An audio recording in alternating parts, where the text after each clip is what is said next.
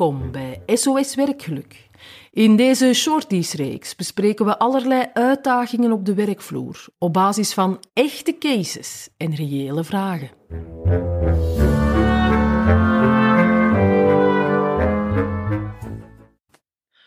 Onlangs kregen we een zeer boeiende vraag van een leidinggevende in een van onze workshops. Die leidinggevende gaf leiding aan een heel fijn team, een hecht team dat ook al jarenlang samenwerkte.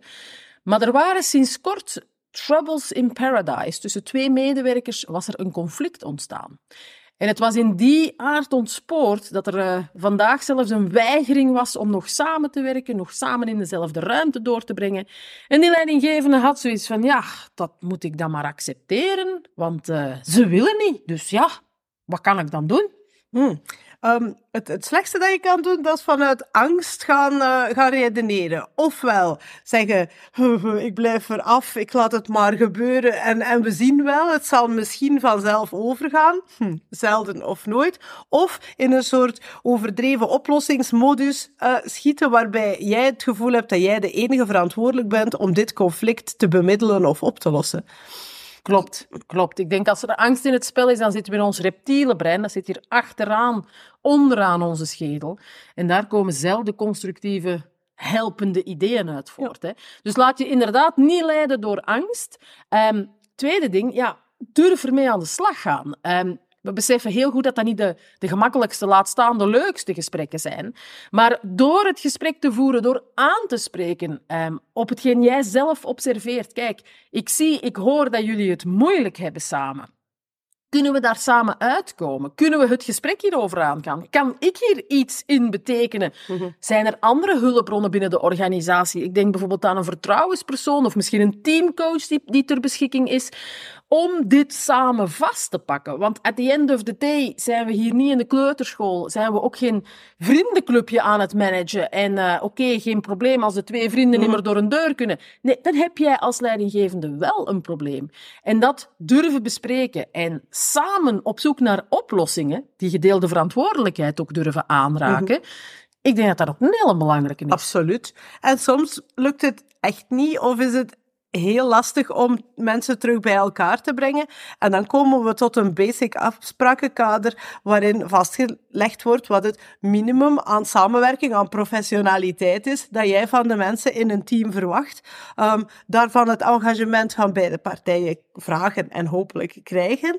Um, en dat goed opvolgen. Hè. Goed kijken, lukt het op deze manier wel? Kunnen zij zich op dit niveau staande houden? Is dat zo? Prima, dan moeten we niet, veel, moeten we niet meer vragen. Um, is dat niet zo? Ja, dan moeten we terug duidelijk het gesprek aangaan, dat er binnen dat engagement toch wel wat uh, problemen opduiken. En in het allerslechtste geval moet je durven nadenken over, um, past één van die twee of beide nog wel in het team?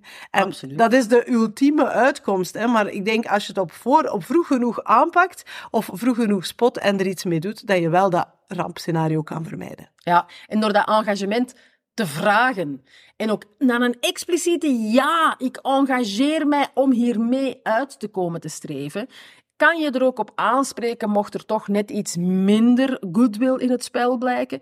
Zolang als dat, dat engagement niet is uitgesproken, wordt dat een hele lastige natuurlijk. En dat is wel wat je nodig hebt om hieruit te komen. En uh, die exit-strategie waar, uh, waar, naar, waar Kim naar verwijst, dat hoeft zeker geen nationale ramp te zijn, want we hoeven daarom niet te dreigen met straks moet je het bedrijf verlaten. Nee, we zien heel vaak dat er oplossingen zijn in andere teams bijvoorbeeld. Want het is niet omdat het hier fout gelopen is, dat dat toch vies het geval gaat zijn in andere teams. Absoluut. Dus ook dat kan een, een oplossing zijn.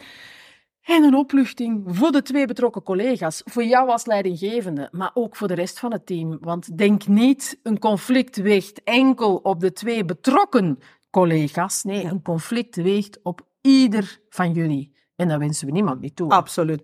Dus Kim, wat hebben we vandaag geleerd? Voilà. Als eerste, niet bang zijn om er iets mee te doen. Ga het gesprek aan en zorg ervoor dat er ruimte is om hier iets mee te doen. Ja, durf het inderdaad bespreken. Ga samen, samen op zoek naar hulpbronnen. Ja, en als derde, moest het toch niet lukken, ehm, dan zijn er nog altijd een aantal minimumgedragsnormen ehm, binnen de waarden van het bedrijf en van het team waar dat je naar kan verwijzen en engagement op vragen. Voilà. En een exit hoeft niet altijd een mislukking te zijn. Het kan ook echt wel een opluchting zijn. Maar mocht het zover komen, ga het exitgesprek ook aan, want daar kan je ontzettend veel van leren.